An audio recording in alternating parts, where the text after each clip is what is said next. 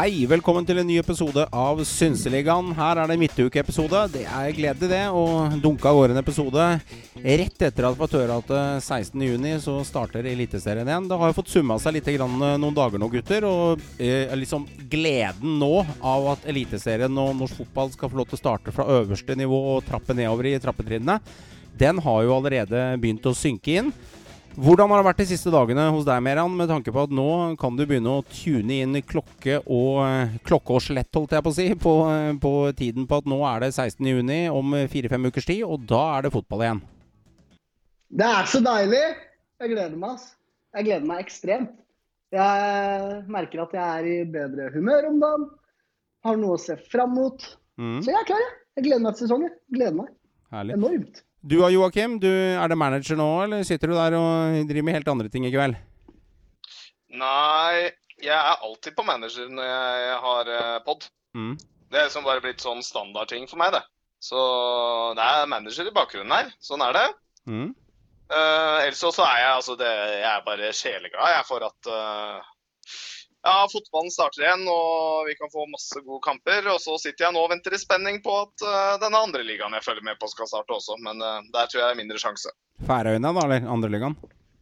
Nei, jeg sier som VG sa når de fikk et spørsmål på VG Live. Så fikk de jo spørsmål om uh, de ikke skulle begynne å ha Færøyene på, um, på den VG Live-oppdateringen sin. Og da svarte de fordi det, ikke, fordi det er den færøyske ligaen, var bare svaret. På hvorfor de ikke hadde den der. Og den støtter jeg meg på. Jeg ser ikke på drit hvis jeg kan få noe bra. Altså. Hva er grenser?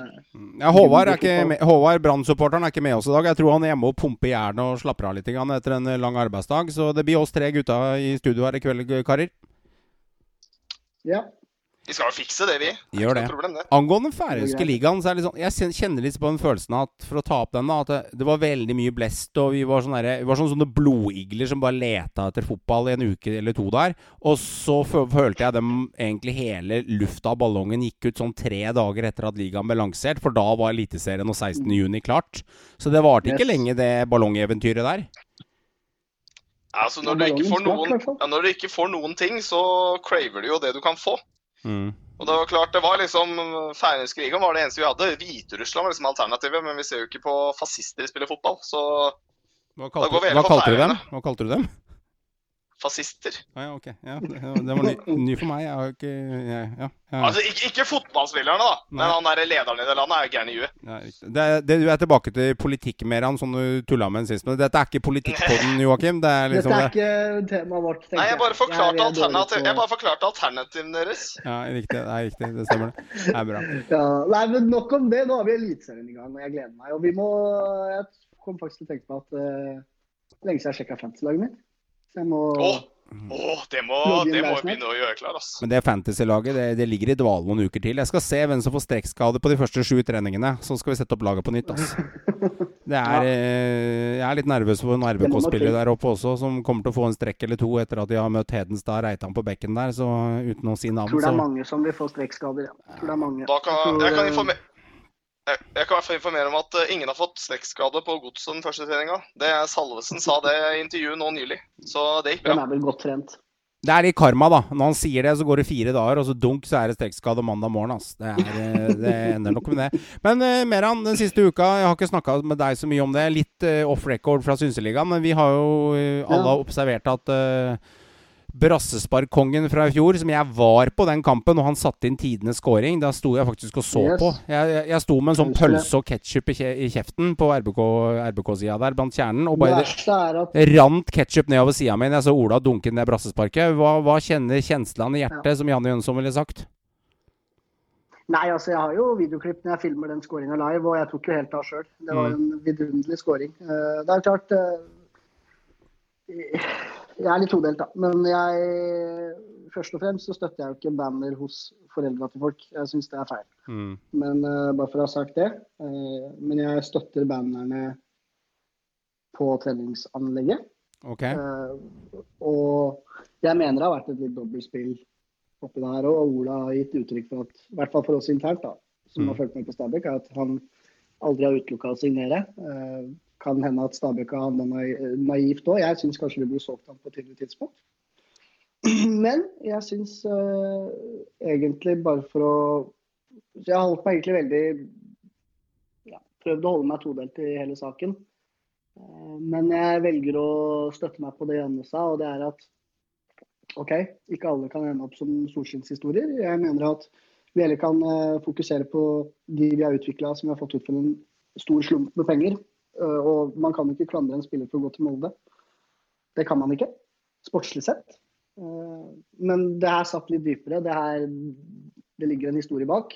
Så det er derfor det hele blir eh, så følsomt, da. Men eh, det er jo klart at man skjønner jo at man går til Molde. Og så får man ønske han lykke til videre. Så enkelt er det. Jeg har full fokus på Edvardsen, som jeg mener kommer til å ta nivået i år. Og gjøre det bedre enn det Ola har gjort. Ja. Så får vi se det jeg sitter igjen med følelsen av, er at man driver et akademi som er meget sterkt. Og man selger spillere til høyre og venstre. Og man har solgt spillere for 70-80 eh, millioner kroner de to-tre siste åra. Ikke bare akademispillere, men også spillere som OI og Boli, som er utviklet på en annen måte. da. Eh, men igjen så er det sånn, man kan ikke treffe med alle. Noen spillere Nei, glipper. Det. det. er litt butikk i dette her òg. Eh, jeg skjønner at han har lyst til å se an mulighetene sine. Og så kan man si sånn, var han litt slange i døra og så han mulighetene sine, eller var han ikke det? Eller var sov Stabæk litt i timen? Burde de vært litt mer våkne? Spiller ingen rolle. Ja. Det, er, det, er, over nå, så har man tatt lærdom av den ja. hendelsen her, tenker jeg. Det er det, så Joakim, hva tenker du? Nei, Jeg vil si meg, altså jeg er ganske enig med Veran. Jeg er veldig enig med i hvert fall også det første han sier. da, at uh, Altså Det de driver med når de driver og henger opp ting uh, utafor hjemmet til familien hans, mm. da har du gått over en strek som du ikke skal gå over. Det er faktisk fotball. Du får bruke huet lite grann. Men uh, at det gjøres på treningsfeltet, og at det liksom går direkte mot han som spiller, det er bare fair. Det er sånn det er. Det, igjen, igjen, det er fotball, så det er følelser. Uh, og man har lov til å bli irritert som supporter. Jeg hadde garantert blitt irritert hvis det hadde vært um, godset det gjaldt, og en godsespiller. Så hadde man blitt forbanna der òg.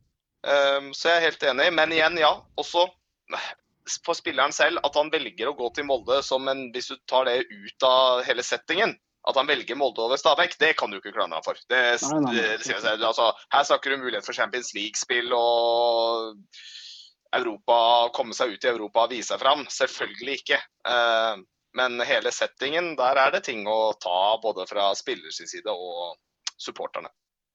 Mm.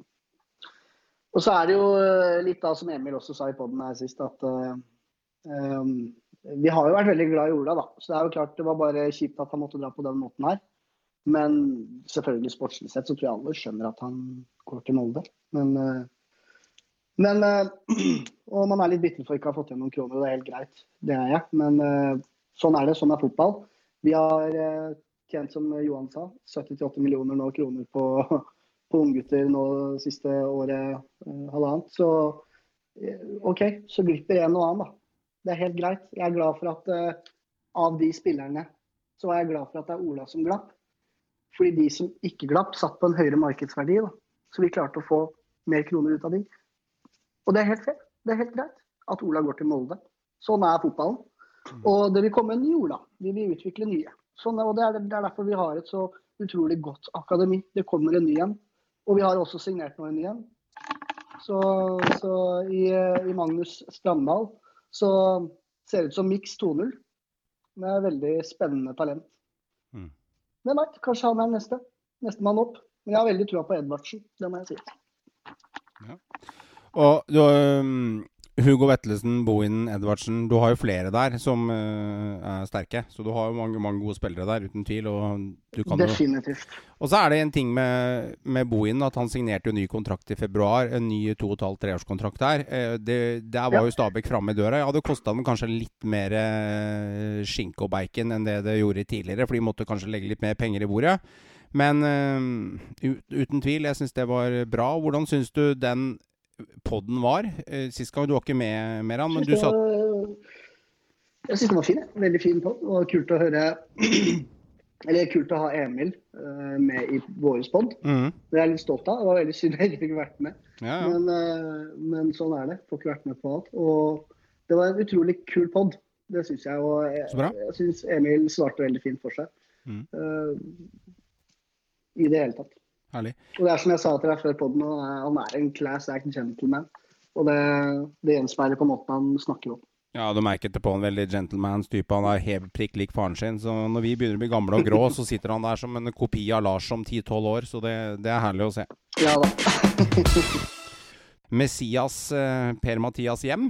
Har de råd til Per-Mathias, eller sitter han for godt på kaffekontoret med Twist-posen på NFF, eh, Meran? Jeg tror ikke de har råd til Per-Mathias. Selv om jeg tror ideelt sett det ville vært drømmesigneringa da, for dem. Jeg tror det ville vært definitivt riktig type. Og jeg tror Per-Mathias ville passet veldig bra inn i Eliteserien igjen og gått inn i manesjen. Mm. Men uh, det, det, sitter en økonomi der som gjør at det er nok ønsketenkning. Og jeg tenker da Helstrup da er et veldig godt alternativ. Da. Han har jo for så vidt gjort det ganske greit med, med HamKam og virker som en spennende type. Uten at jeg kan for mye om han. Mm, mm. Nei, de kan jo ikke velge fra øverste hylle. Og jeg tenker vel selv at uh, Kan vi ikke få noe litt uh, ortodoks, noe annerledes her? Kan vi ikke få en sånn gæren svenske, sånn Rikard, Nole, uh, Norling, som kommer opp fra sida? En uh, Janne Jønsson, Gentleman's Agreement, Erik Hamrén, Attityd. Kan vi ikke få noe annet her? Jeg skjønner at vi ikke kan sikte fra den hylla, for dette er klassetrenere i Sverige som har gjort det bra si, for sine lag. Også med flere klubber, og mange av de har vunnet titler òg. Men vi kan få en litt spennende type, da. Sånn som eksempelvis Sarpsborg gjorde. Så jeg tenker prøve litt nytt nå. Jeg sitter verste, vil... verste som skjer nå, hvis jeg bare får fortsette det med, er sånn Harald Aarbrekk kommer tilbake, liksom. Jeg dunker igjen sånn eh, gamling med skjegg på sida, liksom. Joakim, hva tenker du? Ja, ikke sant? Ja, altså det, Men det, det, er ikke sånn veldig Jeg vet ikke. Jeg føler ikke at det er så veldig typisk Tromsø. Mm. Uh, men uh, ja, altså jeg, jeg, er jo motstander. Jeg syns Per-Mathias Høgmo det hadde vært kjedelig. Da hadde jeg blitt eh, Det syns jeg har vært skuffende. Ikke at jeg nødvendigvis bryr meg så voldsomt om hvordan det går med Tromsø i Obos. Eh, Tenker du kjedelig og dyrt? Kjedelig og dyrt? Jeg pokker i hvor dyr han er, men ja. Jeg, jeg føler ikke helt at det hadde vært verdt penga, da. Det er ikke eh, kjedelig, da. Det er morsomt. Da. Men det er klart, du, du, det er klart du, du, har fått tilbake litt yoga på treningene, så det hadde hjulpet litt. Mindfulness. Yes, jeg skjønner. Ja. ja. Det jeg mener Tromsø burde gjøre nå, er litt tilbake og tilbake til røttene deres. Litt sånn som de har gjort nå. De har vel sendt inn en spørreundersøkelse til 25 helter der, da, hvor de skal tilbake til røttene sine. Og Da mener jeg en, De må ha en gæren nordlending, rett og slett. Mm. De, må, de, må, ha en frontfigur, de må ha en karakter, de må ha en skikkelse. Det kan være hvem som helst, men de trenger en gæren nordlending. Jeg har den, jeg. Jeg har den, jeg har den, jeg har den med den. Hvem da? Wait for it. Morten Nordmark? Ja, lett.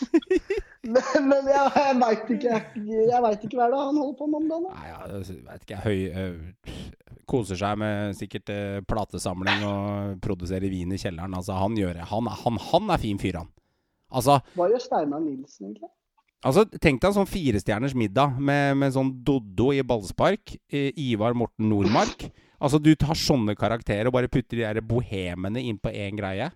Så blander du inn Bengt Eriksen og Nils Arne Eggen inn i den middagen der. Det, det, hadde vært helt rått. Du kan ikke ha en firestjerners middag uten Ingebrigt Sten Jensen. Nei, men ah, ah, ah, OK. Er, du, du, kan ikke gå glipp av Men litt artige ting, vi kan få dytte den videre. Hvem er selvskreven? Klarer vi å bli en, uten å bruke for lang tid, klarer vi å bli enige, gutta, om en, hvem som er selvskreven gjest uh, i en firestjerners middag? Du må være selv inkludert, selvfølgelig. Fotballbasert? Ja, samme. Ja, du må være fotballbasert, da. Uh, litt fra alt fra ja. Drillo-trener til uh, Ja, det kan være hva som helst, liksom. Uh, Ingebrigt Sten Jensen for meg er nei. Så da går vi videre. Vi må alle være enige her. Drillo, er det en ja? Ja, da Nei. Drillo, men jeg, jeg tenker så, Nei, det hadde vært rett og slett litt, litt kjedelig. Arne Skeie vil jeg kjøre inn. Glatt. Arne Skeie. Arne. Greit, jeg er med på den. Da har vi deltaker nummer én. Arne Skeie. Nummer to. Ja. Nils Arne Eggen, eller blir det for brautene? Jeg mener Altså, han er jo legende, men at du, Ja, altså Nils, Nils, Arne kan vi ha, fordi det er klart han byr på mye humor og byr mye på seg sjøl i en middag, så han må vi ha med. Men jeg mm. syns du takka nei litt vel fort på Ingebrigt. Altså. Nei, nei Ingebrigt Sten Jensen! Du, du, kan ikke bare hoppe jo, jo, jo, jo. Han er jo, han er jo nei, nei, nei. Det er jo Ingebrigt. Reklamemannen. Mr. Stabbe. Jeg skjønner det, men Hvor mange historier han har. Jeg føler liksom at det er litt som å være på sånn show i Las Vegas. Det er liksom det, det kjempestas og full rulle betaler mye penger, men når det kommer til bunn og grunn, så er ikke innholdet så dyp, dypfullt. Så jeg vil, da vil jeg heller gå for Nils Arne Eggen for min del. Men um, Arne Skeie er historiemann og forteller gode historier og kan alt på løpende bånd. Så kan vi ha kanskje noe som er, er, Skal vi vrake Nils Arne, eller går vi for ham? Slenge inn Tom Nordli òg, da, vet du. Og Bengt Eriksen. En, Bengt Eriksen, og da er du hvis du har de tre. Da er du som Arne Skeie. Da er du som historiemannen, den tradisjonsmannen. Mm. Og så har du gærningen i Tom Nordli. Mm. Og så har du liksom den, har du Bengt Eriksen som kan sitte og liksom bare Alt alle de andre sier, kan han komme med sånn innskudd på at ting er feil og veldig nøye. Han har, mm. han har kontroll på ting. Mm. Jeg, jeg føler at der har du en fin miks, da. Mm. Så nå, jeg føler egentlig at vi mangler egentlig bare en ja, nå, Tom Nordli er jo litt bajas, men uh, jeg føler vi mangler en helt gærning på sidelinja.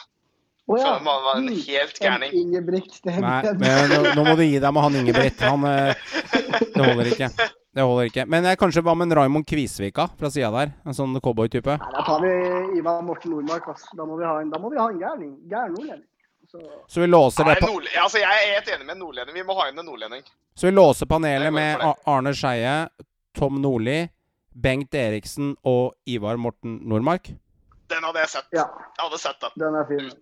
Er dere enige, gutter? Med gjester Med gjester Altså med, med ja, ja, Det er ikke noe gjest på bakrommet som lager dessert med Ingebrigt Jensen. Han er vraka. Kasta på, kasta på verandaen. Får ikke være med å drikke med de store gutta. Sånn er det bare. Nei, vent, Meran, jeg, jeg, er med. Han, han kan være han istedenfor han kokken som snakker, så kan det være Ingrid Sten Jensen. Han som er den voiceoveren som går hele tida. Okay. Der har du. Den kan jeg strekke meg til, for han har faktisk en ganske behagelig stemme, så vi lar den gå. Ja. Waji, det var jo litt av et fyrverkeri i fjor, gutter. Det, vi snakker jo kraftpakke nummer én. Han har jo en blanding av eh, Hva skal jeg si for noe? Det, vi blir liksom Godstog og John Carew, bare i en annen versjon. Det, det her var jo en voldsom spiller. Han er eksplosiv. Han, han, er vill, altså. Han har jo egentlig sittet og trent og Jeg skjønte han også har vært eh, litt hos familien sin i hjemlandet og gjort litt andre typer ting òg, så han Nå er det klarsignal på at han er eh, ready to go. Haugesund har vel kanskje kjøpt seg litt tid her. altså Jo lengre Eliteserien blir utsatt, jo større sjanser er det for at de får flest mulig kamper med, med Waji? Ja. Jeg tror Waji kommer til å komme tilbake sprudlende. Jeg tror han kommer til å levere fra kamp to eller tre. Jeg tror ikke mm. han kommer til å trenge mye tilpasningstid. Mm. Jeg tror han er klar. Jeg tror han har vært klar lenge. Eh, vi har jo prata internt om hele episoden i fjor, så vi trenger ikke å rippe opp i det. Nei. Du vet hva jeg mener om det. Ja, men, sånn er det bare. Men, eh, men, sånn er det. Jeg tror han er klar. Og jeg, eh, jeg tror eh, Han hadde jo mest trolig kanskje vært Rosenborg-spiller òg, hvis det her ikke skjedde. Så jeg tror han er klar. Jeg tror han er klar. Jeg tror Vardø er klar. Og han kommer til å levere fra dag én. Mm. Altså, det er klart det var jo noe den mangla òg, da. det er noe Haugesund liksom har alltid hatt den der spissen som bare bøtter inn mål foran der. Den, I mer eller mindre grad. Og han er, han er jo et monster på banen, så det Nei, det er, altså det er jo, det sier seg selv at det blir en forsterkning når han er tilbake igjen. Nå får han god tid til å trene seg opp og god tid til å komme seg inn i rutiner uh, og få komme inn igjen resten av laget. Så det tror jeg blir positivt. Haugesund, ja. Djurdic, Sørum, Uh, Alexander Søderlund. Du har Waji. Du har flere der. Som mm. Gytkjær, som var inne på, som har levert i alle klubbene han har vært i. Du snakker jo med fem-seks spillere her, og det er vel noen måten en spiller på. At det, det, dyrkes mye av spissen her. Tror du Waji skårer 15 mål, Joakim, eller tror du det er litt røft? Eh, altså, det, det, spørs helt. Waji i toppform. Ja, men eh, Ikke safe. Ikke safe. Jeg skjønner at man kan argumentere til huet og ræva om det, men liksom, enkelt gjør han det, eller gjør han det ikke? Altså, jeg skjønner, Kommer han i flyt, klarer han det, skårer han tre Nei, mot Mjøndalen, så er det der. Jeg, tror, jeg, jeg, tror ikke, jeg tror ikke han kommer til å skåre 15 mål. Uh, 10-12, tenker jeg. Mm. 12. Jeg tror han er kapabel til å skåre 15, jeg. Faktisk. Jeg tror det. Ja, men nå, nå safer jo du akkurat som jeg fikk. Han er kapabel til ja, ja, men, ja, men, ja, OK, veldig enkelt. Ja, jeg tror han gjør det. Nå skal jeg arrestere meg selv. Jeg, uh, uh, Erase Krog der. Enig. Ja, jeg tror han gjør det. Og skal jeg, uh, så jeg ser den. Grunnen til at jeg tror han gjør det jeg tror midtstoppeskarene i norsk eliteserie er svakere i år enn i fjor. Jeg tror vi har mistet litt mange av lederskikkelsene i norske, norske laga. Det er mindre karakterer. Det er lavere, eh, lavere kvalitet på back- og midtstopperrekkene når du begynner å summere utover. Det er mange lag som sliter med en typisk bauta midtforsvaret. Det er mange gode midt, midtstoppere, men det er blitt noen borte også. Noen har blitt litt eldre. Er, det er mange usikkermomenter flere steder bryter kanskje lettere gjennom midtbaner. Han er sulten. Han er eh, eh, kanskje den spilleren som ligner mest på en kombinasjon av Karev og Braut Haaland, uten sammenligning for øvrig. Men han har jo fart, han har fysikk, han har alt. Han er sannsynligvis den beste spissen, så jeg tror han skårer 16 mål i, i 2020. Ja, veldig godt oppsummert egentlig, Krog. Men, men, men, samtidig han er altså spilleren som skaper veldig mye rom for medspilleren sin òg. Mm. Så på den måten så bidrar han veldig mye målpoeng for medspillerne sine. Det går utover mye av hans egne skåringer òg. Så jeg tror han faktisk ender opp med tolv skåringer. Eh, men jeg er fort enig i at han ender opp med eh, fire-fem assist og kan ende på 16-17 målpoeng totalt sett. Det tror jeg. En spiller som... jeg, snur ikke, jeg snur ikke, jeg, altså. Så jeg så for det. 10-12 mål. Der, eh, der stopper jeg. Det er fair, det. Uh, Damien Love han sitter jo på solkysten i Donald Trump-land og koser seg med paraplydrinker. og uh, ja, Jeg vet ikke om han lever livets glade dager, for han, vel, han, må jo ta vare på familien sin og sønnen sin, som han sier, som jeg har fått med meg i media med han. Stemmer ikke det? Ja, det stemmer. Han er og sjekker familie. Og kan ikke klandre han i den situasjonen uh, vi var i da på det tidspunktet han dro, for da var det jo veldig uvisst. Mm. Så det er mange spillere som har dratt og besøkt familien sin. Mm. Og han har jo ikke gjort noe feil. Det er bare at uh, saken ble blåst opp fordi han la ut et bilde på Instagram på en balkong hvor, han, hvor det var en flaske whisky og, og, en vannpipe. Og derfor har den saken blåst opp helt. Han har ikke gjort noe galt. Uh, han sitter da i karantene i Miami og er med familien sin. Men, men, stopp, men stopp, et øyeblikk. Altså Nå hører vi politikeren i panelet her. Så skal jeg bare gi utfordringa til deg. Nå, han derre Joakim til venstre her. Han har ikke gjort noe feil, eh, Joakim. Men han ble bare tatt bilde av med en whiskyflaske og en vannpipe. Altså, jeg veit ikke. Ta deg en slurk og Nei, altså vann... Ja, greit. Men det høres jo litt sånn Altså, hva er neste? Ja, altså, hver, hver, er, hva, er, neste? Er, det, er, det, er, vi på bordellhus? Er det neste sted Du skjønner? Ja, men du skjønner, jeg må stille spørsmål, da. Liksom, altså, det er, det er, jo litt sånn Jeg kan jo skjønne at folk reagerer. Altså. Jo da. Jo da. Altså, jeg er jo litt sånn uh, Altså, jeg har egentlig ikke noe sånn imot uh, litt sånne gode gamle dager i England. At fotballspillere får lov til å slå seg litt løst når de har litt ferie og roe seg litt ned. Det er lov, det. Uh, men det er klart, uh, du skal være litt forsiktig da, med tanke på måten du Nå, er, nå kan jeg tenke om Damon Love nødvendigvis er en spiller som si, når ut i en haug av unge norske talenter, nødvendigvis. Nei, det er kanskje ikke. Ha, hadde det liksom vært ja, Hadde det vært Emil Bohin, da, så hadde det kanskje vært nesten litt mer krise. da, I og med at han kanskje er et forbilde for flere uh, unge spillere i Norge. Mm. Uh, men uh, det er klart ja, Vannpipe det, Men var det det? det, var, det var sikkert vannpipe, da. Var det, da, da er det jo greit. Det, det, var en helt vanlig vannpipe. Mm. Det var uskyldig, var en helt vanlig vannpipe. Det var ikke noe vannbong. Det var ikke noe bong, det var vannpipe. Det var helt uskyldig. Altså, Jeg er jo ikke helt sånn der eh, rabiat firkantperson, Johan. Eh, det er lov til å kose seg litt når man er på ferie og ikke får lov til å gjøre jobben sin og spille fotball. Det er, helt, det er fair, det. Men var det også en whiskyflaske ja, på det bordet, eller er det en sånn løst uh, Synseliga-rykte, eller var det det? Det lå, det lå en whiskyflaske eller konjakkflaske eller ja, Men fyren må jo få lov til å drikke når han er på ferie, altså, da, stakkars. Det, ja, okay. det som ikke blir tatt opp, er tidspunktet. ikke sant? Tidspunktet, Da var det en litt ulik situasjon. La han kose seg, han er med familien sin. Det her går helt fint. Damon Love er profesjonell, han fikk starte opp. Dette går bra. Det er en god stopper, da. Altså, det er jo en, det, jeg mener jo kanskje fortsatt at det er en stopper kanskje Brann burde henta, uh, med tanke på at Acosta har jo egentlig sagt at hei, jeg trenger en, jeg trenger en makker her, så siden mormora stikker til USA, så trenger jeg en makker. Og så velger de å stå med Kolskogen. Kolskogen er spennende, har fart, men kanskje mangler litt på fysikken, som jeg har lest meg opp på og lytta meg til. Så ja, han er litt uvøren, han Demon Love. Men nå som vi er rett ved kanten av, av at overgangen overgangsvinduet åpner eller stenger, og det går veldig fort der med han. Burde de henta Demian Love, eller burde de stå med det de gjør nå, Brann? Burde, burde ikke. Altså, det er en veldig god fotballspiller. Mm. Men jeg mener jo Jeg er kanskje en av de som mener at Kolskogen burde bli satsa på. Ja, da. Jeg mm. mener at greit, mangler litt på fysikk. Der har du Acosta, så den utfyller hverandre veldig godt. Og fysikk er noe du kan trene deg opp til. Han er fortsatt ung. Mm. Um, Jeg er litt usikker. Jeg mener Kolskogen bør bli satsa på, jeg da. Men, men, det er jo ikke noe tvil om at Demi Løv er en god nok spiller for Brann. Definitivt man får jo også fysikk når man spiller på høyest nivå, og det har jo en del ting å si. Altså, Man ser jo det på spillere. altså De, de fleste unge spillere som kommer opp, mangler rett og slett fysikk. Mm. Men uh, etter hvert som de spiller uh, på høyest nivå, så får de den fysikken. Og det er klart, Fordelen med unge igjen, da. De trener fysikk eh, veldig raskt. I motsetning til oss gamle folka, som kan bruke seks måneder på å komme seg opp på et tålelig godt nivå hvis man har gitt opp en måned eller to. Mm. Vær så god, Meran. Nei, det, ja, det var det. Ja, yeah, thank you. Eh, en spiller som har fysikk, er Philip Carvalho. Han har jo eh, bra med fysikk, og kanskje enda mer fysikk enn eh, de fleste andre i ligaen der. Men det er en spiller som eh, Vålerenga faktisk har eh, savna litt den siste tiden. Han var jo rett og slett uh, Uruguayaneren var rett og slett enig med Nasjonal om en låneavtale for midtstopperen, fordi han ville komme nærmere sin familie. Og siden så har jo ikke Fagermo sett luften av på tre måneder. Nei. Nei, den saken der er jo litt rar, da.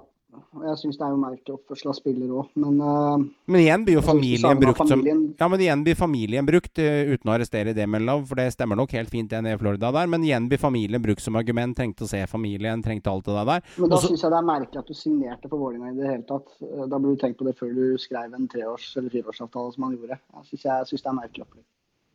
Ja, altså, det er litt underlig hele greia. Jeg, jeg syns jo det er litt skam da overfor Vålerenga-supportere og respekt for klubben og ny trener ja, ikke møte opp og vise deg fram. Respektløst. Det er det. Han har vel fått med seg hvor hardsjøl det kan bli under Fagermo, da, så fant fant ut at det er ikke for meg. Så ble jeg igjen hjemme. Ja, men Jeg tror ikke det står på manglende treningsevne når du ser den kraftpakka han er. Jeg, jeg veit ikke. Jeg tror det er andre faktorer. Jeg tror han bare rett og slett ikke vil være i Norge. Um, altså man kan sammenligne litt med DD, men man kan ikke gjøre det heller. Men, men DD jeg har ikke tenkt å synge DD Jeg har ikke tenkt å synge DD-sangen for fjerde gang, ikke sant? Jeg tror helt ærlig, jeg tror helt ærlig at uh, han vil ikke være i Norge. Og Vålerenga burde finne en måte å bare enten få noe slante for han, eller mm. bare terminere kontrakten. For det her kommer ikke til å fungere. Og kommer ikke til å returnere. Det tror jeg ikke. Nei, det ser stygt ut. Det er jeg helt enig i. Når sånne typer settinger så, og liksom, Når han kommer tilbake, da, slantrende inn om en uke eh, altså, hva Skal Fagermo bare ta han imot med åpne armer, da? Nei, men Jeg tror ikke han kommer slantrende inn heller. Nei, men jeg, jeg, mener liksom, hvis, han, hvis, han, hvis, han, gjør det altså Da kan jo ikke bare Fagermo stå der og liksom bare akseptere det. Han må jo bli sidelina med en gang. Han må jo fokusere på de som er der nå. Og hvis ja. han setter opp en elver nå, og så skal han plutselig komme tilbake. Jeg ser ikke for meg at det skjer, men hvis han kommer tilbake, ok, hvordan skal du håndtere det? Da må du jo Du må jo bare se, da. Men jeg tror han er et stykke bak fotballmessig nå. Så du veit ikke hvor han er. Ja, jeg syns det er totalt useriøst, men uh, ja. Det er det er skam. Men jeg syns jo synd på Fagermo sitter der. Men han er jo en type som satser kanskje sannsynligvis på helt andre unge spillere. Enn Nei, men Fagermo har jo ikke sett den fra dag én, så han har vel aldri regna med den. Nei, sannsynligvis ikke. Han fikk jo beskjed om at han er av gårde på en liten viftetur, og så skal han komme tilbake. Men når det har plutselig gått to-tre måneder her, da begynner det å bli for mye. Det er, det er drøyt, altså. Det er det. Det lukter litt det 2-0 ganger fire her, så vi er ferdig med han der. Men Fagermo har jo gått ut og sagt at han gir uh, VIF signeringsnekt før de selger noen ut døra. Det er jo tegn på at han kommer til å Egentlig mellom linjene, Joakim, så sier han jo egentlig at hei, jeg skal satse på Odin Tiago Holm og uh, en spennende høyrebekk og satse på litt unggutter. De har bl.a. en uh, ung spiss der, blant annet, så jeg tror faktisk kommer til å få litt tillit når Matti blir sliten etter 82 minutter, og det er eh, Sixten på topp der. Så jeg, jeg tenker at, tenker at eh, Fagermo satser ungt. Hva tenker du, Joakim? Ja, dette er jo det vi har etterspurt egentlig av Vålerenga i mangfoldige år nå. Som mm. egentlig jeg trodde at de kom til å få uh, i større grad når de hadde Deila også, med tanke på hva de har gjort før. Mm. Uh, men, uh, Og det er jo det de har bedt om òg. De har bedt om Fagermo, nå får de Fagermo. det er dette Fagermo gjør. Uh, og jeg tror det blir kjempebra for Vålerenga, for vi har jo sett og vi har jo vært innom det før, at de har gått glipp av veldig mye. Uh, lokalt mm. veldig mye ungt som ikke har blitt satsa på, og dermed har uh, gått videre og funnet sin plass andre steder. Der er Stabæk bl.a. har vært flinke på det. Henta inn spillere fra, fra Oslo. fra Oslo øst og tatt dem opp i sin klubb. Så jeg tror det er bra og jeg tror det er viktig å gjøre det på den måten. Og så er det klart det er, en, det er noe i det, og det er nok noe det er nok noe taktisk i det. at Fagermo gjør aldri noe utenom å ha en plan med det og noe taktikk med det. Og på denne måten så skjermer han jo også sine egne spillere, i den grad at de At uh, ingen andre nødvendigvis uh, de føler seg så kine på at andre skal hente dem. Så det sier jo seg selv. Jeg tror nok det er en taktisk plan her av Fagermo. Uh, ja. Og på en måte sikre Også, sin egen tropp ved å si han ikke skal hente inn flere. Ja, og så handla det litt om solidaritet til de, de, andre i klubben som også var permitterte. Man var jo tydelig på at hvis noen ble solgt, så må de ha noen erstattere, da. Uh, naturligvis. Så får de håndtere det på en eller annen måte. Det er jo klart. Du kan jo ikke gjøre deg mindre, mindre konkurransedyktig. Det, det går ikke. Det går ikke. Det er også tegn på at det ikke er flust på penger der. Altså En Trøim som bl.a. Uh, eier Bård Drilling, jeg er selvfølgelig litt med på børsen også. Bård Drilling har gått fra en aksjekurs på 72 kroner til 6 kroner og 40 øre. Mannen har jo tapt 90 eh, av hele Bård Drilling i løpet av fire måneder under korona. Du kan si hva du vil om at han har gryn og til salt og leverpostei på maten, men han har tapt så store summer at vi snakker snart et statsbudsjett for å sette litt i dollarøynene. Og det begynner å bli dyrt, da, for å si det sånn. Ja. Det begynner å bli dyrt, og Trøim har sagt at han er ikke 100% sikker på at han skal gå inn og sponse Vålerenga i 2020. Eh, og er han ikke her i 2020, så har han også trukket seg ut til 2021 og 2022. Så jeg tror ikke økonomien i Vålerenga, for å si det rett fra hjerterota her, med, hvis jeg skal ta det litt fra, med Vålerenga-fansens hjerte der Jeg hadde vært litt bekymra hvis jeg var Vålerenga, for han er egentlig investor som har spytta litt penger inn til høyre og venstre. Litt i det skjulte. Han er ikke så synlig som Røkke er oppe i Molde. Der han er veldig ute og sier 'hei, her er penger', og så trekker han seg tilbake. 'Hei, her er penger', og trekker seg tilbake. Trøim er veldig sånn dytter inn penger fra sida. Jeg er litt bekymra for dems del. Vålerenga er ikke helt på god likvid der, altså. Det er dem ikke. Nei. Da, det betyr at da er de avhengig av spillersalg, da, for å få inntekter inn. Ja, men du må utvikle, sånn som Joakim er på. da. Ja, Det tar kanskje noen år å utvikle disse spillerne. De har en spennende Dønnum. Men klart, hva får du fra Dønnum, da? Det er sant. Det sant? Du får noen kroner for den eh, her, og du får noen kroner for den Nei, men De har ikke en sånne klare salgsobjekter som Ejuke i fjor. De, skriker ikke Nei, de har ikke, noe, de har ikke noe høye verdier. Det er ikke 10-12 millioner for en spiller i Vålerenga. Altså, og så er det noen spillere på noen gode kontrakter her. Adam uh, Karasar Larsen. Du har um, Williamson. Du har noen spillere med noen gode kontrakter. Kanskje det beste salgsobjektet er Dønnum og Herlin Sjala. Det er vel kanskje de som er best eh, per ja. dags dato på, på, overgangssum. Odin Thiago Holm kan du få 45 millioner for om fire år hvis den er, eh, hvis den er klasse. I beste fall. Eller så kan de få tre for den. Jeg sitter også med følelsen at Odin kan jo ende som Herman Stengel. Altså det, det, er masse prat, men det ender egentlig som en grei, god eliteseriespiller. Men ikke noe top notch. Eller så kan han bli helt stunning. Det vet vi ikke ennå, men det får vi se på. Mm. Men, jeg, men jeg tror på at han slår gjennom i år. Og ja, ja. potensielt på sikt er jo, er jo et salgsobjekt. Da. Men jeg er jo enig i at det er ikke mange store summer der i den troppen. Det er det ikke. Så, så, det er som du sier at det tar litt tid å utvikle det der. Da. Men det er de avhengig av Goodley Michael på topp, liksom? Mulig, ja, og da er de alltid avhengig av høyest mulig tabellposisjon, da. Men uh, jeg er litt spent på hvordan han skal løse spissfloka. Ja. Det er litt uh, greie. Og så hjelper det ikke akkurat at Aalbru Jensen er ute og griner om russetid, som Ola Halvorsen sier. Altså Han griner litt om disse reglene og hvordan dette funker og hvordan det har vært. Og det ble, ble noe svart av Pål André Helland i media i de siste dagene her da, om at du skal være glad du i hele tatt har jobb, liksom. Altså det er det liksom. Jeg er enig med Helland der, og jeg er enig med Reginiussen Helland i det intervjuet der. Jeg tror det mest var Helland. Jeg tror ikke det var Reginiussen faktisk, selv om har bilde av han. Men jeg skjønner hvor du vil hen. Men jeg, kanskje det kom litt gærent ut fra Oldrup også. Kanskje han ikke mente det helt sånn. Nei, men jeg skjønner jo, jeg skjønner jo det offeret uh, de gjør nå. Altså, det er jo et stort ting å gjøre, da. Du ofrer deg jo egentlig helt fra sivilisasjon og er kun fotball du må fokusere på. Mm. Men alternativet altså, er jo at du, du, ikke kan spille fotball. Mm. Nei, og så må du huske på at det er, men sant, det er jo en setting her. da, det er jo, Du ser jo en viss sammenheng mellom de som faktisk er mest kritiske, og eller om ikke kritiske, så er de usikre. Eh, eller om jeg er feil ord. Men eh, at som ser de negative sidene. Du har jo bl.a. en uh, Tore Giniussen som også har gått ut og sagt at han er jo ikke kjempehappy med måten dette skal løses på. Mm. Uh, rett og slett fordi han har kone og barn, han har, han, han har, en familie, og at han skal holdes vekk fra liksom i størst mulig grad holdes vekk fra de rundt seg. Uh, han er en eldre mann, holdt jeg på å si, i fotballsammenheng. Han, han har andre ting på sida. Fotball er jobben hans, ja, men det er klart han har etablert seg. Og det er gjerne de litt mer etablerte spillerne som har andre ting på sida, som har gått ut mest. Mens det er klart unge spillere, eller spillere som Helland, hvor fotball og RBK egentlig stort sett er livet hans, virker det som, så viser det seg at han er jo mer åpen for dette, for det er alt han bryr seg om. Begynner faktisk Helland å bli en rutinert eh, mann nå. Han er ikke 22 lenger, han heller. Så. Jo da, han er rutinert, men han, han, er, han oppfører seg som en regel som er par og 20. Så det er liksom Ikke at det er noe negativt sånn sett, uh, men det er liksom det jeg sier, da. Det er forskjell på fotballspillere også, og mange andre har andre ting i livet sitt de må bry seg om. Mm. På samme måte som en helt vanlig arbeidstaker. Mm. Så jeg skjønner men, de som reagerer. Men, men, de har fått jobben sin tilbake igjen, og det er klart, det, de må, det må de jo sette høyt. En viktig ting Tore Reg sa da, i det intervjuet, er at det er sånn reglene er nå. Det kan hende at det mm. lettes på om tre-fire ukers tid, da, eller eh, etter en tre-fire kamper ut i, i seriestarten. Mm. Vi vet ikke. Det er noe som vi må bare følge med på kontinuerlig. da. Ja. Så vil det sikkert lettes på, og da vil man kunne slakke litt mer på det.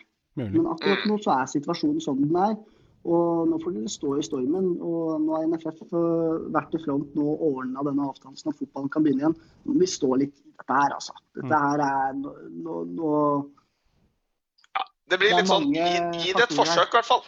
Gi det et forsøk. Altså, få, kom i gang. Eh, og prøv å spille. Og så får det heller, får det heller vise da, om dette var smart, eller om det var for tidlig. Eller om eh, det ikke lar seg gjennomføre. Da får det heller bare vise seg senere. Ja. Det høres, høres ut som litt sutring fra Oldrup Jensen der, føler jeg. Så det kan komme litt gærent ut der. Men det er klart spillere i ligaen blir satt litt opp mot hverandre. Han mente det. Hva mener du i Kristiansund? Hva mener du i Viking? Hva mener du i Rosenborg? De begynner liksom å, de virker som media setter litt klubben litt opp mot hverandre. Hvem som svarer det best, liksom. Det er litt klikknyheter. Selvfølgelig gjør det men selvfølgelig gjør de jo det. De det sier jo seg selv sier seg selv. Eh, siste videoen jeg sjekka, gutta, var jo Henrik Pedersen, dansken i det, Drammen. Han eh, har jo nå fått et energinivå på seg på treningene der han setter seg ned på huk og pisker spillerne til høyre og venstre. Han ser i hvert fall ut som han starta treningene enormt eh, energisk. da. Han har ikke tenkt å ligge i bånn i år, og det var, var i Eurosport som omtalt som at det er litt Nils Arne Eggen over energinivået og stilen hans på trening. Det er iallfall ikke et dårlig kompliment, Joakim? Nei, det er et godt kompliment, men vi så jo det i hele fjor òg. Altså, hvis det var noen som satt og tenkte at han skulle starte dette her eh, med sånn rolig innkjøring og litt jogging rundt Marienlyst, da har du driti deg ut. Det er ikke sånn han driver uh, fotballen. Det er ikke sånn hans er ikke sånn hans strategi i fotball er. Det er ikke sånn han ser fotball. Han, der skal det være fullt fres hele tiden. og Jeg er sikker på at de Gosse-spillerne dem er nok slitne allerede første trening, og sannsynligvis både andre, og tredje, og fjerde og femte. og de skal jobbe godt, dem inn mot seriestart, tror jeg. Mm. Jeg kjenner han som er kursvert på, på Marienlyst, Lars Jørgen Knutsen. Han uh, serverer bl.a. lunsj og drikke og mat til spillerne, og er en veldig veldig hyggelig type. Gjør en god jobb i Strømsgodt fotballklubb. Han fortalte meg at Eh, det er helt fair å nevne også, selv om han jobber der. Han fortalte meg klart og tydelig at eh, Henrik er en ekstremt hyggelig type. Tar vare på spillere i klubben. Han hilser på de på kjøkken, han hilser på alle som eh, jobber rundt der. Han ser folk i øya, han spør dem på en ordentlig måte. Han lurer på åssen dagen din har vært, han lurer på om du har det bra. Han er en aura, en skikkelse, som kan faktisk for å si det sånn, minne litt om, uten sammenligning for øvrig, for det er livsfarlig å gjøre, men det kan minne litt om å Nils Arne var jo en type som jeg eide hele klubben. Det skulle gjøres på min måte. Han kan minne litt om den typen i Strømsgodset etter et halvt år. Han har ikke vunnet noe enda, full lull og det der, men at han vil ta hele klubben i sin arm og favn og ta vare på alle. Så han fortalte, han jeg kjenner på som jobber i Godset, han fortalte at han føler seg ivaretatt sett. da. Det er ikke bare Lars Jørgen Salvesen som føler seg sett, eller, eller Moses Mava alle føler seg sett av Henrik, og det er en veldig veldig god egenskap. Og så er han ekstremt profesjonell. Så det kan hende at de egentlig har gjort et skup her framover, og det kan godset begynner å klatre og klatre mer. Dette her er imponerende. Absolutt. Absolutt. Den var jo spennende. Jeg syns den var veldig spennende på høsten eh, i fjor, ja, etter at han tok over. Og hvor mye han klarte å snu på, på et veldig falleferdig lag. Eh, veldig spennende på hva han får ut av denne preseason. Og laget er jo ekstremt spennende. Så Godset veldig vanskelig å tippe hvor de havner. Det må jeg faktisk ærlig innrømme. Er det ikke Ippolipo Jack han heter, han på midtbanen der? Jo. Jo, det stemmer vel. Og um, han uh, midtstopperen, hva het midtstopperen igjen der? Chamba tenker du på? Duplex? Duplex Chamba, stemmer. Duplex Chamba. De er vel på lån fram til sommeren, stemmer ikke det, Joakim? Stemmer det. Den... Og det er jo en viss fare for at uh, de forsvinner. Mm. Jeg har ligget ute. Men uh, altså, nei, altså bare spilte altså, bare så tilbake, altså, at, vi, at de har gjort et altså Skup treneren, det er ikke noe å tenke på engang for min del. Det, det har egentlig vært klart for meg helt siden i sensommeren i fjor. Mm. Uh, at uh, det var et riktig valg, og det er en sånn type du trenger for å få laget opp å gå. Og det er også en sånn type som jeg tror klarer å få på plass den strukturen at mister de nå Chamba, mister de nå Jack, så tror jeg at uh, de som kommer inn der da, vet hva de skal gjøre likevel. Og jeg tror de, de har fått den treninga de trenger for å ta over den plassen. Mm. Det er litt, Du sammenligner litt med, du sammenligner med, med Eggen, men uh, det er også litt Deila i måten uh, Henrik Pettersen driver klubben. Mm. bare enda litt gærnere i huet. Mm. Ja, spennende. Spennende. Det kan hende han disker opp noen nye navn. Han har bra kontaktnett både i Tyskland og i Danmark, så det kan det komme enda fine navn der. Jeg kan jo droppe ett navn til deg, Joakim, så kan du på en måte gi en thumbs up eller thumbs ned. Enkel kommentar. Chamba forsvinner til sommeren. Erstatter som midtstopper. Valsvik fra Rosenborg. Ja, altså, alle godssupportere vil ha Valsvik tilbake igjen i godset, når du snakker om ja, ja, ja. Så, ja, ja, jeg hadde tatt, hadde, hadde tatt den Ja, Men han er ikke god nok for RBK, og sannsynligvis, så hvis Rosenborg skulle henta en erstatter der Hvor mange kamper får han, da? Sju kamper for RBK, kanskje, med noen cupkamper og en halv europakamp mot et uh, halvdårlig skotsk-irsk lag borte. Altså, det, altså. det, er bare å, det, er bare å, det er bare å si Ja, men det er jo sånn det er, Valero ja, mer, det, er det, han, det er det han får. Altså. Vær, vær, så god. Hvis uh, Godset kan stjele Valsvik fra RBK, så kan heller Valsvik dunke inn 3-2 på Godset mot RBK Marienlyst. Så kan le av dem etterpå fordi de har brukt en feil, og de har ikke skjønt hva de har. Det er sant de har putta han på venstre bekk. Ja, men, hør nå. De har jo ikke brukt han feil. Han spilte jo Hør nå. Det, nå, nå, henger dere opp i feil ting her. Han har spilt to kamper på venstreback for Rosenborg var nøden på venstreback. Og så fikk han åtte til ti kamper som midtstopper i fjor i kvalikkamper og cupkamper. Så Rosenborg har brukt den som midtstopper. Svaret er bare at den er ikke bedre enn Tore og Even. Så han får ikke spille ja, nok. Det, men, det, det, det, mener de. Så du mener så, han er bedre enn Tore og Even? Nei, jeg bare si, nei, alt jeg sier er send til godset. Så kan han ta igjen når Rosenborg kommer på besøk, og så kan han vise hvor feil han tok. Ferdig. De tok jo ikke feil. Han er bare ikke god nok for å spille for RBK. Nei får vi, gå, får vi gå og se, da. Send til godset. Hør nå! Bare send til godset, Hornland. Vi trenger den. Du trenger den ikke. Helt nei, greit for oss. Ja, nei, Gi faen. Jeg, skjønner. Jeg tror nok at, eh, tror nok at uh, Tore Genussen Even Hovland er et stykke foran Valsmik. Han er bra, bra backup-spiller, men uh, jeg lurte litt på om du var nysgjerrig på om du har han til klubben din. Du var veldig interessert? Uh, ja, selvfølgelig, selvfølgelig vil jeg ha han til klubben. Han var en av våre aller beste spillere når han var der sist. Mm. Så selvfølgelig. Valsvik til godset. Helt med. Du er ikke bekymra at den er fire år eldre siden da? Nei, det er vel fire år med erfaring, er ikke det man pleier å si når det er midtstopper? Kanskje, kanskje. Gruppene blir jo sluppet 16. Eh, mai. Det er jo sluppet eh, fire grupper her nå, og kampene mener jeg blir sluppet der. De skal jo trekke de. Det er litt sånn sjarm med De skal trekke de på 16. mai. Vi er vant til å gå på stadion eh, som en sånn slags eh, festdag, men nå blir det sånn trekning av matcher. Det, den er litt stilig. Ja da de gjør det beste ut av det. Jeg syns det er gøy, da. Jeg synes det er gøy. Skap en happening ut av det. Helt greit. Vi starter på gruppe A, da. Eh, dere har det foran dere, ja. gutter. Kristiansund, eh, Ålesund, Molde, Rosenborg. Ja. Altså jeg vil bare, Kan jeg bare skyte inn før vi fortsetter med dette her? Veldig enkelt. Jeg er ganske sikker på at i forrige podd vi hadde dette her, så nevnte vi at dette her kom til å skje. At de kommer til å starte med lokale kamper først. Ja, vi, det gjorde vi faktisk. Det, det gjorde vi. Før det ble sluppet. Bare så det er lagt inn. Det gjorde vi. Det er helt stemmer. Og det er sikkert noen lyttere der ute som fikk eh, med seg det. Eh, at det ble nevnt. Det tror jeg nok. Men eh, Kristiansund, Ålesund, Molde, Rosenborg. Vi snakker jo Molde-Rosenborg Altså, den er fin. Vi snakker jo at vi kan jo allerede der så kan jo et av de topplagene begynne å få problemer etter de første seks kampene. Skal, ja, skal vi sy synse oss på litt? Jeg skjønner at det er gjenta, her, ja, men mm. Ja, nei, jeg sier, altså det er jo Nå har vi jo en eh, Vi har jo en kollega her som allerede har nevnt at uh, Kristiansund tar uh, medalje i år. Da vil si at da har de jo tre soleklare medaljekandidater.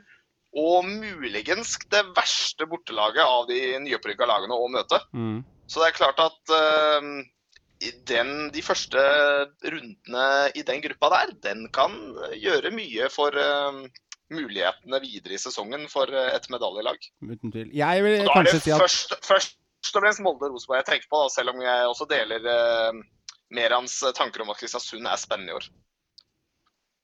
Ja, jeg tror kampene kommer litt fort for Kristiansund der. Eh, at det kanskje ikke de formene er prikka inn helt så tidlig. Eh, Pelle har hatt litt utfordringer med, bein der i vinter, og Kastrati veit du aldri med før det er ute på sommeren.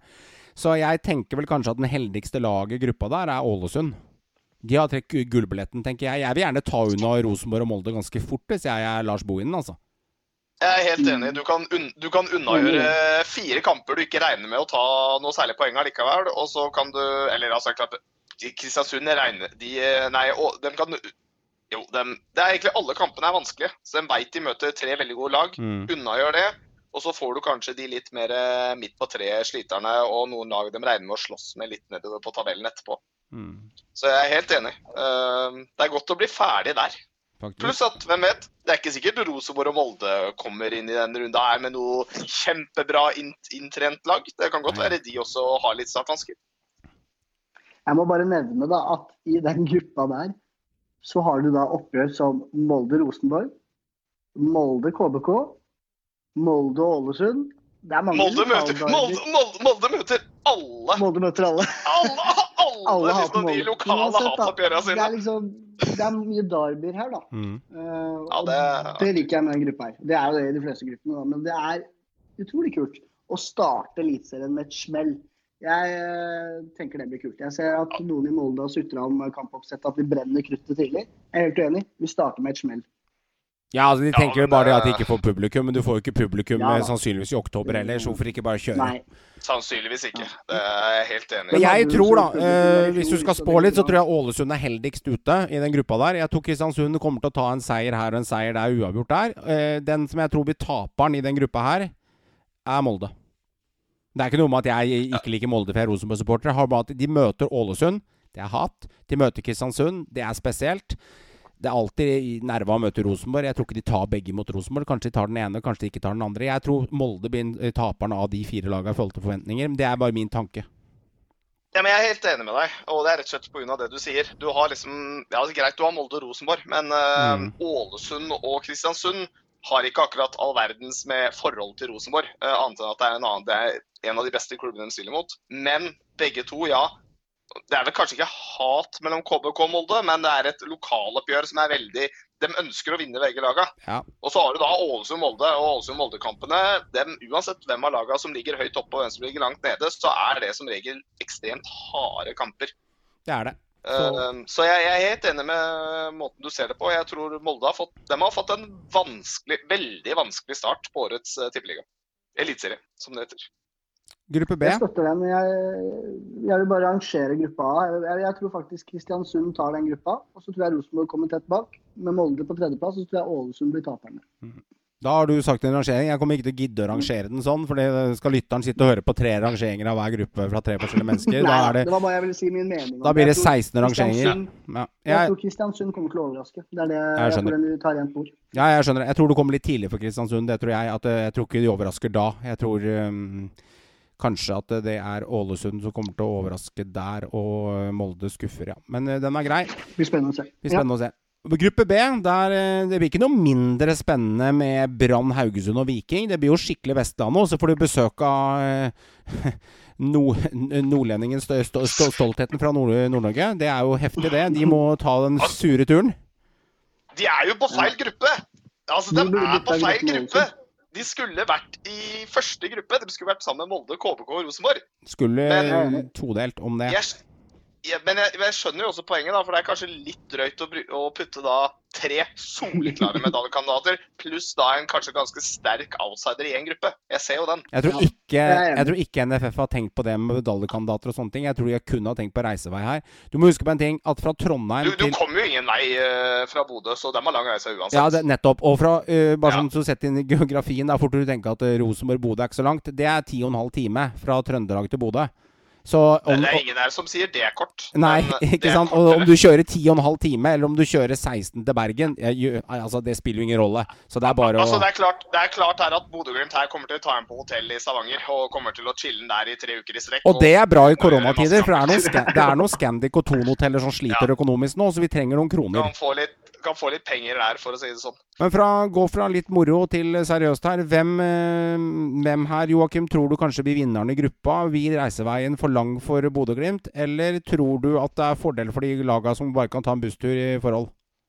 Uh, nei, jeg tror faktisk Bodø-Glimt kommer veldig godt ut av gruppa. Rett og slett pga. det jeg sier, at de kommer ikke til å reise til kampene der. Mm. De kommer ikke til å reise lang vei hver gang de skal til de kampene. Mm. Uh, så de får alle disse fine hjemmekampene sine mot lag som har reisa lang vei. Mm. Og så håper jeg at de har litt sånn småflaks med noe oppsett og sånn, at det kanskje havner noen bortekamper uh, hver for seg. og det vil jeg ganske tro at det kan godt hende at NFF gjør.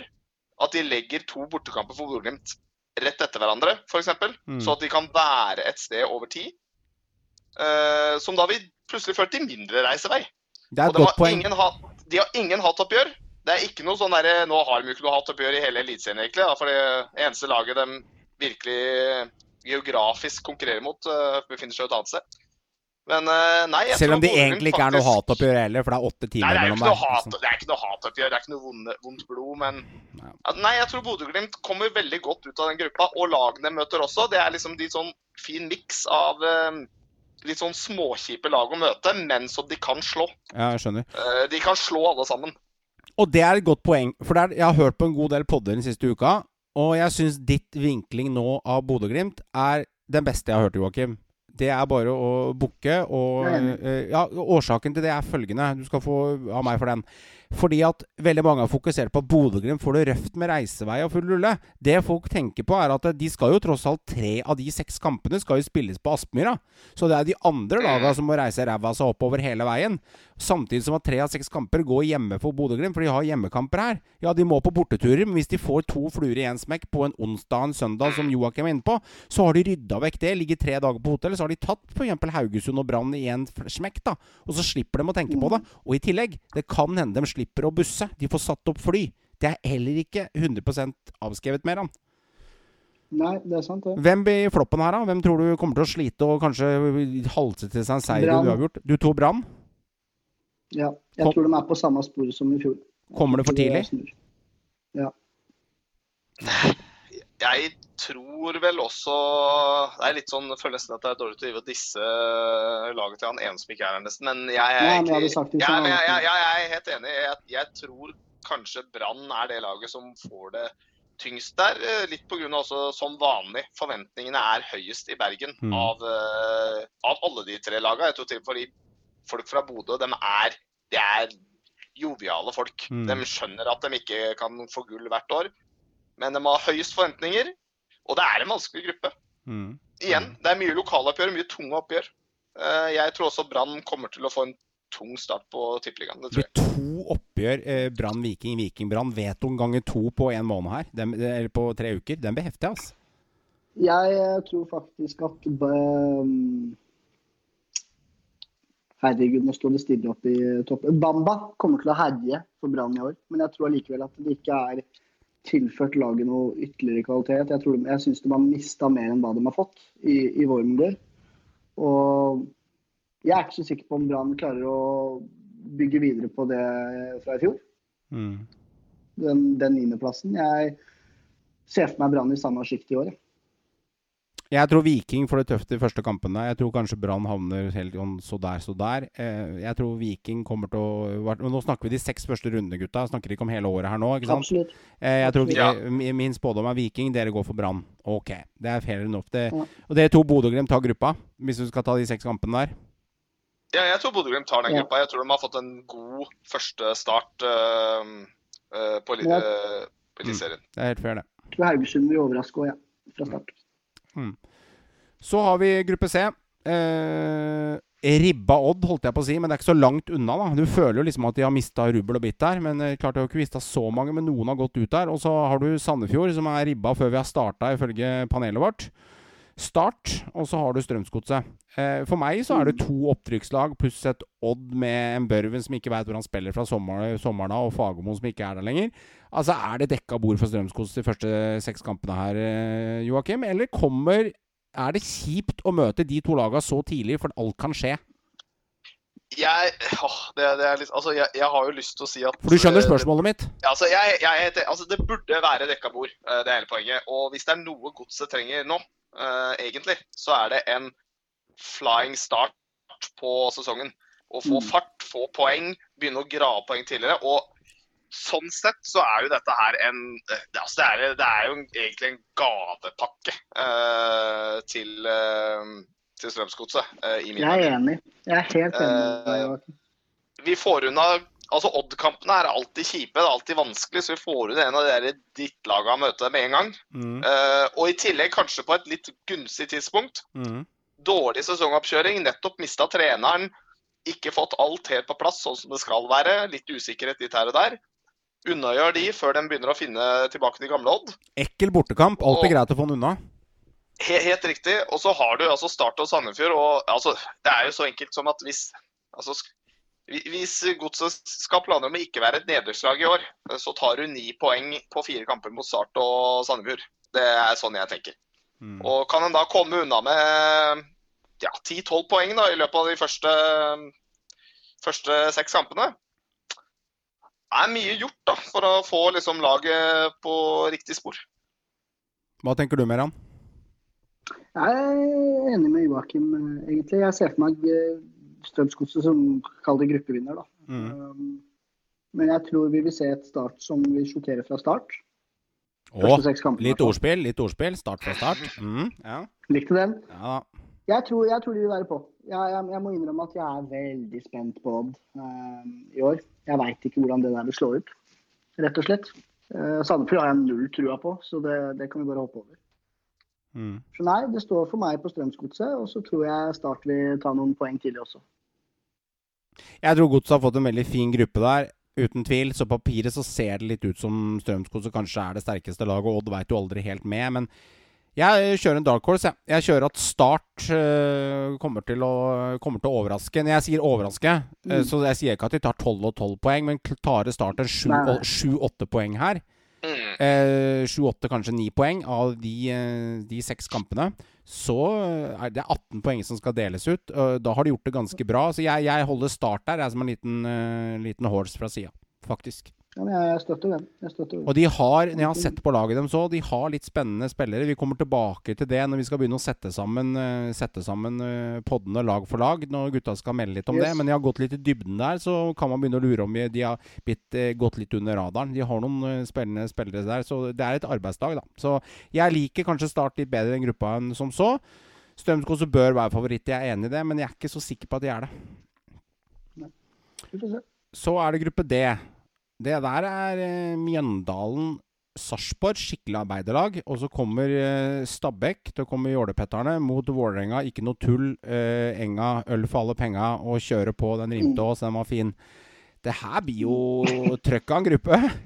Det er, det er helt åpent. Det er, det, det, er det er, helt åpent. Jeg, nei, nei, nei. Jeg tør nesten Jo, jeg, jeg, tør nesten ikke å si noe som helst i den gruppa, for jeg Men jeg må si én ting før vi går løs på gruppa. Når jeg ser ja. gruppene her Jeg mistenker ikke NFF for å tenke på hvem som skal møte hvem. Jeg mistenker ikke NFF for å sette opp kule kamper. Jeg mistenker dem kun å sette opp ut for geografiske områder, og hvor det er enklest utenom Bodø-Glimt, for så måtte de bare gjøre det, for de passer ikke noen steder. Mm. Eh, altså, det, sånn er det bare. Altså, Jeg mistenker dem kun å kjøre det for hva som er lettest i henhold til smittevern. Det er det sånn jeg leser det. Men når du hører oppgjøra mot hverandre, så er det ganske mange kule oppgjør her, altså. Det men, det er nettopp, men, det er jo nettopp, fordi det er geografisk. Ja, men Det er det som altså, er stilig. Det er jo der ligger. Jeg er ikke helt enig i det, fordi Mjøndalen er lenger unna uh, for Stabæk enn det er å møte Strømsgodset. Du kjører forbi Marienlyst når du skal til Mjøndalen. Ja, ja. Så det er litt rart, men greit nok. Men gruppa i seg selv er drittkul. Uh, jeg skjønner det, men da måtte de putte Stabæk nærmere uh, Odd igjen. Det er lenger unna Vålerenga. Altså ett valg må de gjøre. Så, sånn blir valget. Jeg, jeg liker gruppa, og jeg, historisk sett så har vi greit tak på Mjøndalen. I hvert fall hjemme. Eh, for så vidt borte òg. Vålerenga har vi grei kål på også. Jeg tror det er, jeg tror det er definitivt seier på Nadderud. Og så får vi se om vi klarer å kapre en uavgjort på um, Intility. Sarpsborg er laget jeg er mest uh, usikker på. Jeg tror de har trent godt, og jeg tror de kommer til å stille seg annerledes i år kontra i fjor. Og så må du huske på en ting, da, disse mjønderne skal jo finne fram der de spiller kamper òg. Så hvis de bare kan følge den der eh, eh, europaveien hele veien og møte alle lagene på veien, så er det lett å finne fram. Ja, sånn, ja. Kan slippe dem rote rundt nede i Telemark og sånn. vet du, den, Det blir tungvint. Men du, jeg putter ikke uh, huslånet på noen gruppevinnere her, altså. altså dette, nei, ikke, dette, er, ikke, dette, dette, er, dette er rødt, men, altså. Men, men jeg, skal, jeg, skal, si meg faktisk enig med Meran. Uh, om jeg skulle valgt en gruppevinner, så hadde jeg valgt Stabæk. Uh, Hvem skal skåre mål i Stabæk, da? Nei, men Hvem skal skåre mål i noen av disse lagene, da? Ja, det er jo ja, kanskje... av disse lagene som har noe mål i Stabæk. Ja. ja. Masemi skal skåre mål i Stabæk. Ja, jeg skal like å se han over. Eh, tosifra, men det er greit. Over åtte mål men, i det hele eh, tatt, men ja. Mm. Nei, men, eh, men nei, det, den gruppa her er for meg det helt åpenbart den mest åpne gruppa av alle gruppene. Her, hva det er jeg helt enig Og det er lett å si Strand Larsen. Altså, jeg har jo ikke så troa på Strand Larsen som kanskje andre i panelet har hatt. og sånne ting Men jeg vet at Håvard er veldig glad i Strand Larsen, og det er helt fair, det. Han skal få mene det. Og han er ikke her til å snakke varmt eller dårlig om han i det hele tatt. Men Strand Larsen er uten, uten tvil en spennende spiller. Og mange mener jo at han i sesongen i fjor ble kanskje litt spolert av Kokkenes, og at den kom litt fort for han. Og så kom han litt høyt opp av hesten litt fort, og så viser det seg at han ble tatt litt på senga utover sommeren og høsten. At han rett og slett mm. eh, ble litt cocky på seg sjøl, og nå har han lært, er det mange som mener. Så får vi se. Men de lagene han møter Vålerenga er litt fysikk. Mjøndalen er litt fysikk. Han er litt fysikkspiller. Det er ikke noe automat i at han kommer til å herje med stopperne til Mjøndalen. Altså. altså det, det, er, det er røff gruppe, det her. Ja, det er en kjemperøff gruppe. Uh, det er ikke den mest finspillende gruppa av uh, gruppene vi har hatt. Jeg tror Stabæk sånn. blir taperen i gruppa pga. fysikken. Jeg tror Stabæk har minst fysikk av disse lagene. Og dette er fire fysikklag, så jeg tror Stabæk kommer dårligst ut av de her. Det er min spådom. Jeg er uenig. Jeg er uenig. Jeg tror du undervurderer Stabæk sin fysikk. Ja, jeg, jeg, jeg, jeg, jeg, står på mitt, og jeg sier, at alle, jeg sier at alle disse lagene kan ha på null poeng, og nesten alle lagene kan nesten ande på full pott. Men for én ting som er sikkert, Joakim. Eh, det blir ikke null poeng på alle, men jeg skjønner hva du mener. det, er, det, er, nesten så åpent, føler jeg at det er. Ellers så lander alle lander på sånn rundt ni poeng. Altså, alle spiller 1-1? Sånn, alle, alle får sånn akkurat lik poengsum. Det blir sånn kjip VM-gruppe i fotball som gruppevinner. Ja, da. Jeg, melder Stabæk som gruppevinner. Jeg skjønner at hjertet er blått. Ja. Nei, men jeg tror seriøst de tar det. Mm. Hjertet er alltid blått. Hvis, hvis ikke hjertet er blått, så er det noe gærent. Ja. Det er jo bare blå lag her utenom brune Mjøndalen. Ja da. Uh, fin den der. Det er iallfall spennende grupper, da. Det er uh, Gud bedre. Det her blir jo, det blir jo litt sånn Herregud, jeg gleder meg. Få leke litt på gruppa, da. Joakim, hvis du ser på gruppa di, ser du med godshjertet nå. Strømsgodset. Start Sandefjord. Og så bare hør nå. Bytte ut Odd og Mjøndalen. Du hadde putta Mjøndalen inn der. Det hadde vært sjukt. da hadde du fått blitt, alle tre eh, laga Da hadde du fått alle båndlaga eh, To båndlag i fjor, som er Mjøndalen og Godset, med all respekt. Godset var jo båndlag i fjor, og Mjøndalen var et båndlag. Og så hadde du fått to nyopprykka lag. De hadde blitt sånn bikkjeslagsmål fra første kast, altså.